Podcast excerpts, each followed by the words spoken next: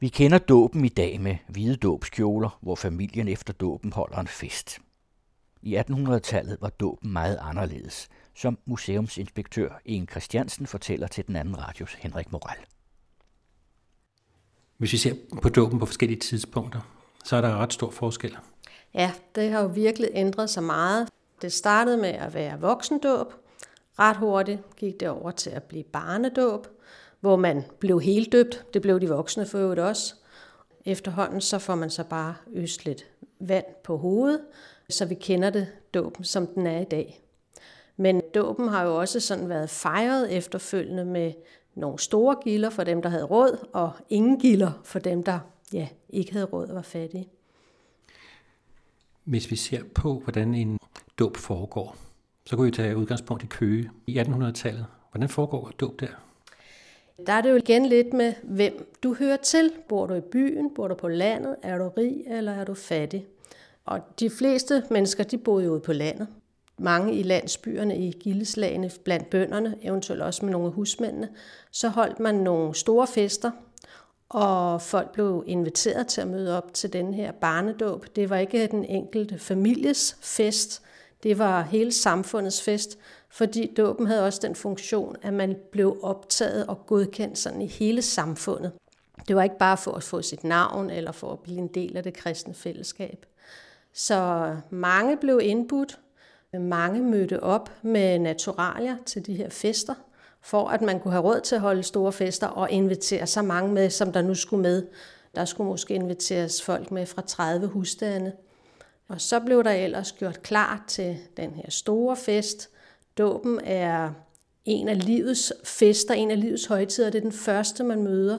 En af de gamle derudover efter dåben, så kan man sige, så er bryllup og begravelse, det er også der, hvor man traditionelt har holdt store gilder.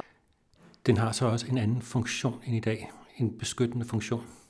Ja, altså man blev beskyttet mod det onde, og det onde, det var jo noget, man var virkelig var bange for. Før kristendommens tid i Danmark, så var det onde trollene og vætterne, og efter kristendom kom til, så blev det onde djævlen. Men begge ting var noget, man var meget bange for, og noget, som var meget konkret i livet for folk. Og ved at blive døbt, så var man beskyttet af dåben mod det onde. Så det var meget vigtigt, at børnene blev døbt, og at de blev døbt hurtigt. Og det blev de jo så også. Altså, man indførte på et tidspunkt, at man skulle døbes inden for fire dage, hvis man boede i byerne, og inden for otte dage, hvis man boede ude på landet. Og det var så blandt andet på grund af den store børndødelighed, men altså også, at man skulle nå at døbes, inden de her børn døde, men også for at være beskyttet mod det onde. Og det onde, det burde være djævlen, men var også andet, også efter kristendommen. Ja, fordi meget det holder jo ved. Det er jo svært at udrydde det i den brede befolkning. Der bliver man ved med sådan at blande det lidt sammen, det onde, at det både kan være djævlen og trolde og vetter, der kan være det onde. Hvordan bestemmer man, hvem der skal med til sådan en dåb? Man var i sådan et gildeslag, en forening, kan man måske sammenligne det med, og det var gårdmændene, der havde de her gildeslag, og så kan der være enkelte husmænd, som havde en forbindelse dertil. Nogle gange udgjorde det en stor del af landsbyen, og andre gange kunne man være delt op på anden måde. Så kunne man selvfølgelig også godt have noget familie eller nogle relationer, der boede lidt længere væk, som også skulle med. Og så kan man sige, at til barndåb skulle derudover præsten og degnen med koner også altid med. De var simpelthen selvskrevne og havde en god plads ved bordet. Så mødte man ellers op. Ofte kom de andre i gildeslaget med madvarer dagen inden, og nogen mødte op og hjalp med at lave mad. Og så mødte man ellers op for at følge med i kirke. I starten af 1800-tallet så blev barnet overleveret til gudmoren ude på gården af faren, og fik visket navnet, og så skulle hun huske det. Og så var det hende, der tog afsted med barnet til kirken. Og så var man meget bange for anslag fra det onde på vejen til kirken i den her vogn. Og det hænger sådan sammen med, at der var man uden for hjemmets beskyttelse, men man var heller ikke beskyttet af dåben og af kristendommen endnu.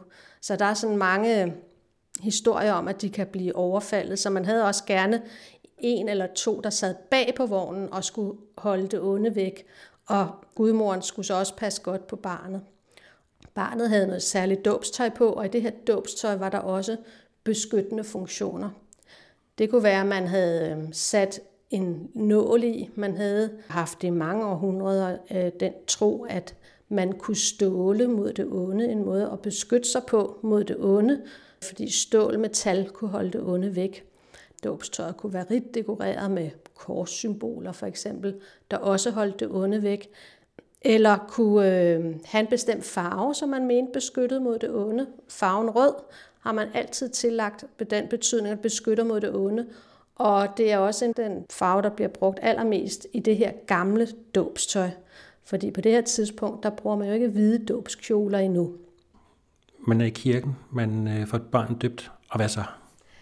Når selve dåben er lavet, så skal man øh, ofre til præsten og dejen. Det var faktisk øh, en del af den måde, de fik deres løn på.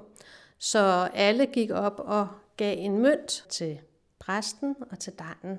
Eventuelt kunne man også give til dåbsbarnet, så stod gudmoren med dåbsbarnet, og måske med et tørklæde, der var bundet som en pose på dåbsbarnets bryst, og så lagde man også en mønt der.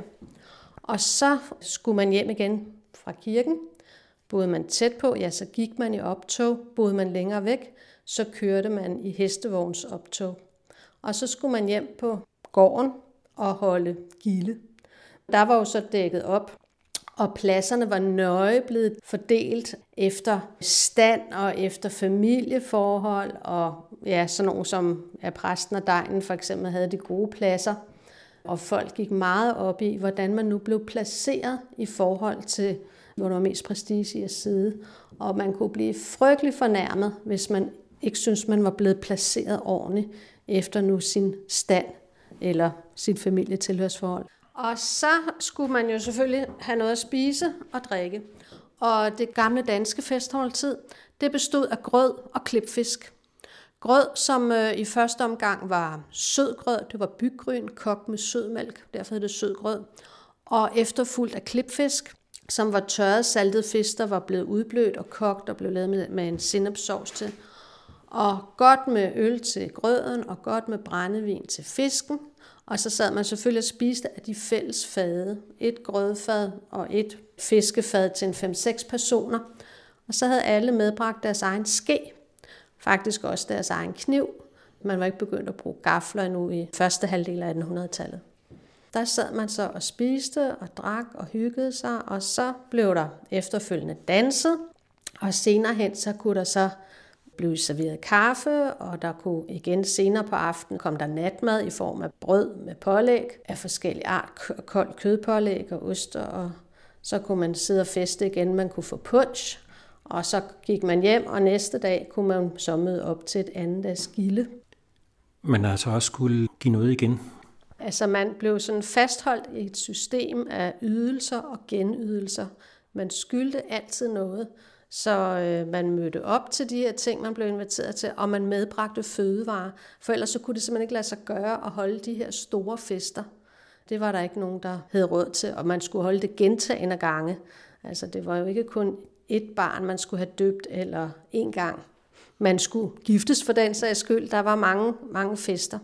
Så det forventedes, at man gav gengæld, når så der skulle holdes barnedåb, eller bryllup, eller begravelse et andet sted, at man så mødte op tilsvarende med madvarer, måske mødte op og hjælp til det, der nu skulle hjælpes til med, så man var med til at simpelthen betale noget. Det kunne også være penge, man betalte en mønt til dåbsbarnet, som i virkeligheden også gik til festen, og ikke til barnet selv, når vi er på det her tidspunkt. Men man må jo også have haft forskellige betalingsevne. Det har man også. Og bønderne gav mere end husmændene, og det var også accepteret. Altså man vidste ligesom, hvad der forventedes af en. Du kan ikke være rig bundmand og så komme og være fedtet med en kvart liter fløde. Den gik ikke. Altså så forventedes der, at man gav ordentligt. Til gengæld var du husmands kone, jamen så var det helt klart en forventning om, at du gav noget mindre. Nu snakker du om gudmor, men øh, der var også andre fader. Hvordan fik man dem? Ja, man gik jo simpelthen ud og spurgte. Altså, man havde øh, måske en bydemand, der tog rundt og indbød, og som også spurgte, om man ville være fader. Det var jo nogen, man kendte. Typisk man var i tæt familie med, øh, der var fader. Og gudmoren, hende var der jo så særlig øh, opmærksomhed omkring, blandt andet fordi, at hun skulle give en gave til barnet, og man ville gerne have, at den var en god gave, og det gav også prestige at have en god gudmor.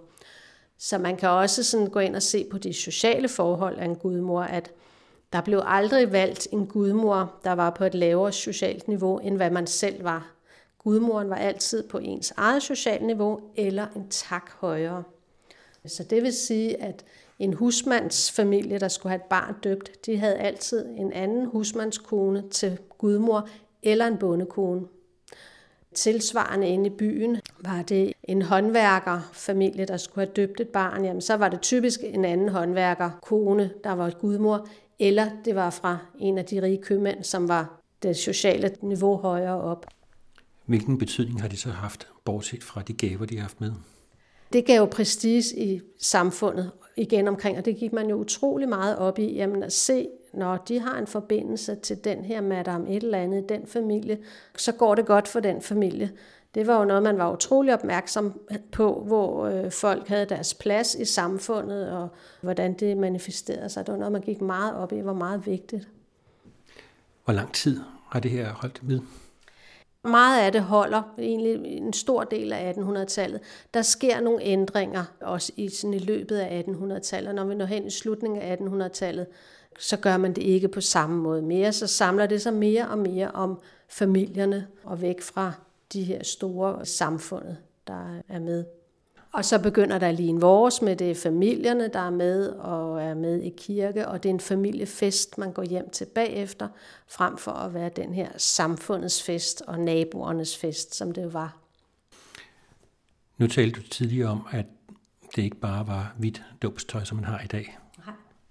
Altså, grunden til, at jeg overhovedet kom i gang med at beskæftige mig med det her emne, det var fordi, jeg fik øje på den samling af dåbstøj, vi har på museet, som er fundamentalt anderledes, end hvordan dåbstøj ser ud i dag. Jeg synes, det er så meget spændende, meget eksotisk og meget anderledes ud. Og så tænkte jeg, når jeg synes det, så må andre folk også synes det. Fordi det gamle dåbstøj, man brugte, før man begyndte at bruge hvide dåbskjoler, det ligner slet ikke noget, vi forbinder med dåbstøj i dag. Det var kulørt, det var stærke farver, det var fyldt med pynt, alskens pynt, altså helt sådan overdænget med pynt, en helt anden form for æstetik, og ja, ser væsentligt anderledes ud. Så jeg synes, det var meget spændende at se på, hvorfor så det sådan ud, og hvorfor gjorde man det, hvor kom det fra. Og vi kan jo se, at frem til slutningen af 1700-tallet, så var det den måde, alle havde deres ståbstøj på. Altså det var noget, der var kulørt, men måske knap så pyntet som lidt senere. Og når vi så kommer hen fra slutningen af 1700-tallet, så begynder de velhavende, dem der følger moden, byens folk, de begynder at gå over til hvide dåbskjoler. Men dem på landet, de fortsætter med det her kulørte dåbstøj, og så går de i gang med at pynte det endnu mere. Selve formen, det er heller ikke en dåbskjole fra starten af? Nej, det er en pose. Det er en lang pose, lige så lang som øh, dåbskjolerne kan være. Og så inde i den her pose, der er barnet svøbt. Altså det vil sige, at barnet har en lille skjorte og blæ på, og så er de simpelthen svøbt med sådan en flere meter lang svøbeliste. Man svøbte jo børn meget stramt ind til slutningen af 1700-tallet. Og man var overbevist om, at hvis ikke man gjorde det, så var det nærmest børnemishandling, fordi så ville de få krumme lemmer, de blev strakt ud, og så blev de svøbt simpelthen helt stramt som sådan en pølse. I dag synes vi jo, det er forfærdelig børnemishandling. Så kom der nye idéer med oplysningstiden, om, at børn skulle ud af svøbet, og i første omgang fik de armene og overkroppen ud af svøbet og blev svøbt på underkroppen, og til sidst fik de også underkroppen ud af det her svøb. Så derfor var de enten helt svøbt til skuldrene eller halvsvøbt op til brystet, når de lå i de her dåbsposer. Så de kunne enten ligge helt nede i dåbsposen eller have mulighed for at have armene fri, afhængig af, hvor vi er. Og øh, så havde de også gerne en lille hue på, og på hugen, der kunne man se, om det var en dreng eller en pige. Det kunne man ikke i dåbstøjet. Der var ikke noget med, at det blå var til drenge, og det røde var til piger. Det røde var jo ondt afværgende, som vi tidligere har hørt. Men øh, man kunne se på den måde, hugen var syet, om det var en dreng eller en pige, hvor mange stykker stof den var syet af. Det stof, man brugte, hvad er det? Det kunne jo være meget forskelligt, fordi det kom an på din økonomiske formåen, det kom også an på dine kontakter.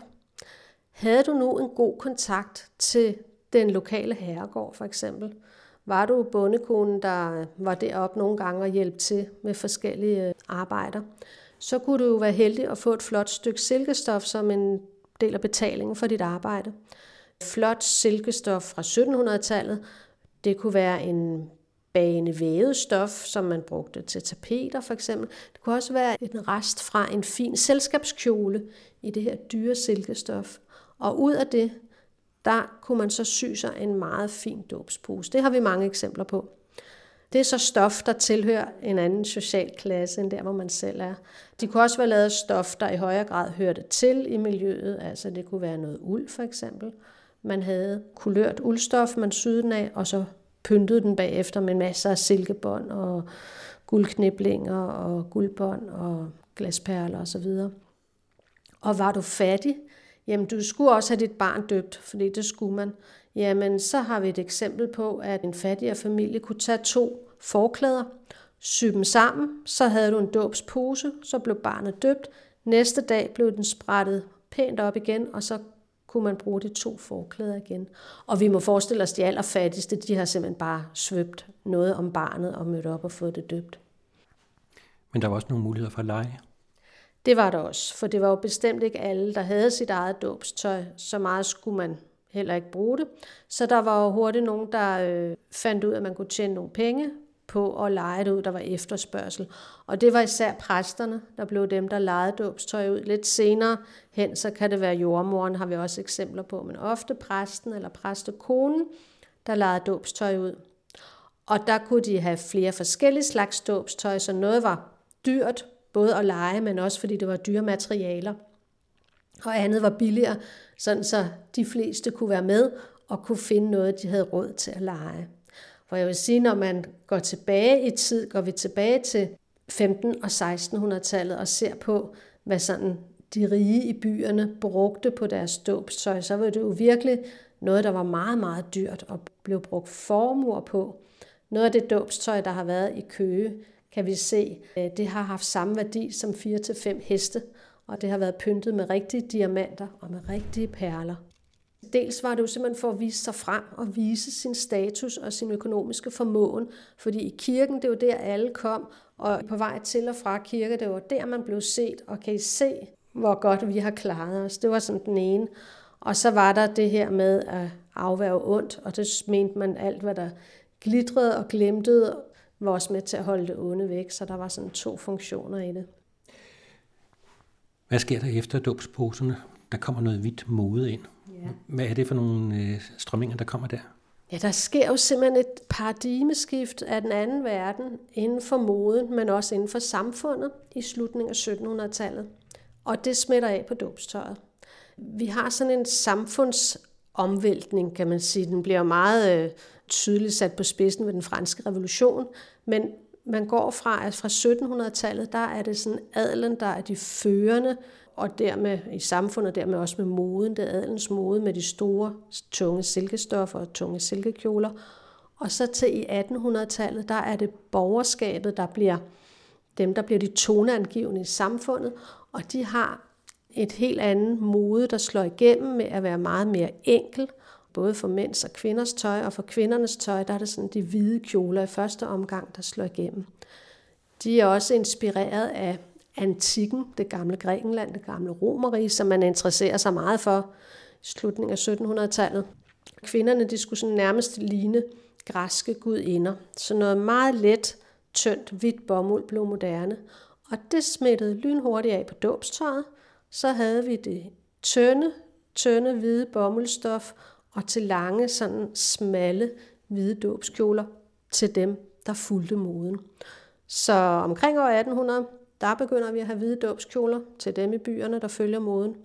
Dem ude på landet, de fortsætter så i et andet spor.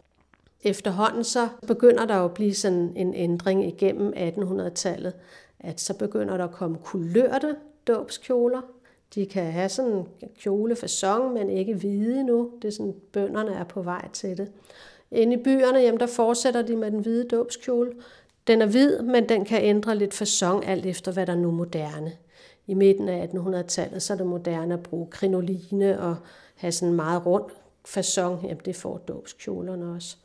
Og når vi når op i slutningen af 1800-tallet, så kan man sige, så mødes de to veje. Så byens hvide dåbskjoler, dem går de altså også over til at bruge ude på landet. Du har arbejdet med dåbstøj på museet. Hvad er det for noget arbejde, du har lavet? Jamen, jeg har jo blandt andet skrevet en bog om det, og så har jeg lavet en særudstilling om det. Skrevet nogle små artikler og holdt nogle foredrag. Så øh, det er et, et emne, der interesserer mig meget, og de her gamle dåbstrakter har man jo liggende mange steder på museerne, men ofte er de ikke udstillet. Og det var også det, der fik mig til at sådan skrive en bog, så tænkte jeg, så får vi i hvert fald nogle billeder ud om det, og noget viden ud om det. Hvordan har du samlet den viden sammen? Ja, det har jeg gjort fra simpelthen afdække et hav af kilder. Jeg har øh, afdækket folkeminder, altså det, som folk har berettet, mens de har kunne huske, og det er blevet nedskrevet, blevet indsamlet Folkemindesamlingen, Nationalmuseet. Så kan det være, at jeg har brugt erindringslitteratur, noget som nogen har skrevet tilbage i 1800-tallet om deres ungdom osv., så når man langt tilbage i tid. Så har jeg været inde og se på det, der hedder skifter, og der kan man komme rigtig langt tilbage. Det der kan komme tilbage til 15- og 1600-tallet. Skifter det boopgørelser, når folk dør, og så bliver der listet op, hvad er der af værdier i boet, for at en arvesag nu kan komme til at gå retfærdigt til. Der kan man finde dåbstøjet, og der kan man få en beskrivelse af det, og man kan få det, en værdi af det. Det er simpelthen værdisat. Og så har I så også samlingen her. Og så har vi samlingen her på museet, ja, som øh, er sådan en guldgruppe af flotte stoffer og fantastiske øh, pynt. Man kan læse en masse spændende ting ud af. Hvad med det senere dåbstøj? Er det så også noget, I interesserer jer for? Ja, og det har vi også. Så det er bestemt også interessant at følge det videre op. Nu kan man sige, at det bliver jo så måske mindre og mindre interessant, når vi når rigtig op i vores egen tid, men det er jo ofte, fordi man måske synes, at det gamle er mest spændende. Der var en måske også større forskel på det gamle dåbstøj, men man kan bestemt blive ved med at se noget af sådan tidstypisk også i 1900-tallet. Men du må vel også tænke på den museumsinspektør, som sidder her om øh, 75 eller 100 år og skal interessere sig for dåbstøj. Lige præcis, lige præcis. Og det er jo super interessant i dag for eksempel at se på dåbstøj fra 60'erne og 70'erne. Det er jo også sådan helt anderledes. Der sker jo også nogle spændende ting. Der bliver det lige pludselig moderne at strikke og hækle. Jamen så får vi de hæklede dåbskjoler, og vi får de strikkede dåbskjoler som følger det, der nu er moderne. Det bliver moderne at lave sit eget tøj selv. Så der er absolut en masse spændende ting at se. Det kan jo være 2. verdenskrig med mangel på ordentlige stoffer. Jamen noget af det allerfineste, du kunne få, i hvert fald lige efter 2. verdenskrig og syn dåbskjole af, det var, hvis du kunne få noget faldskærmsilke fra de faldskærme, der har været kastet ned over Danmark, og få syet dåbskjole ud af det. Altså, hvordan har man skaffet stof, og hvordan har man lavet det i løbet af 1900-tallet, bestemt også interessant at se på. Og der er også stadigvæk spørgsmålet om, hvor det er, man får dåbskjolerne fra. Ja, det er det også. Altså, mange øh, går stadigvæk op i, at en dåbskjole skal bevares og skal gå i arv fra generation til generation og bruges så længe som muligt, og så have broderet navn på, så man til sidst kan se det som simpelthen et helt stamtræ kigge på sådan en dåbskjole og se alle dem, der er blevet døbt i den. Udsendelsen var tilrettelagt af Henrik Moral og er en del af serien Museer skaber viden. Bogen af Inge Christiansen, der blev omtalt i udsendelsen, hedder Dåbstøj og dåbstraditioner på Køgeegnen, og den er udgivet af Køge Museum.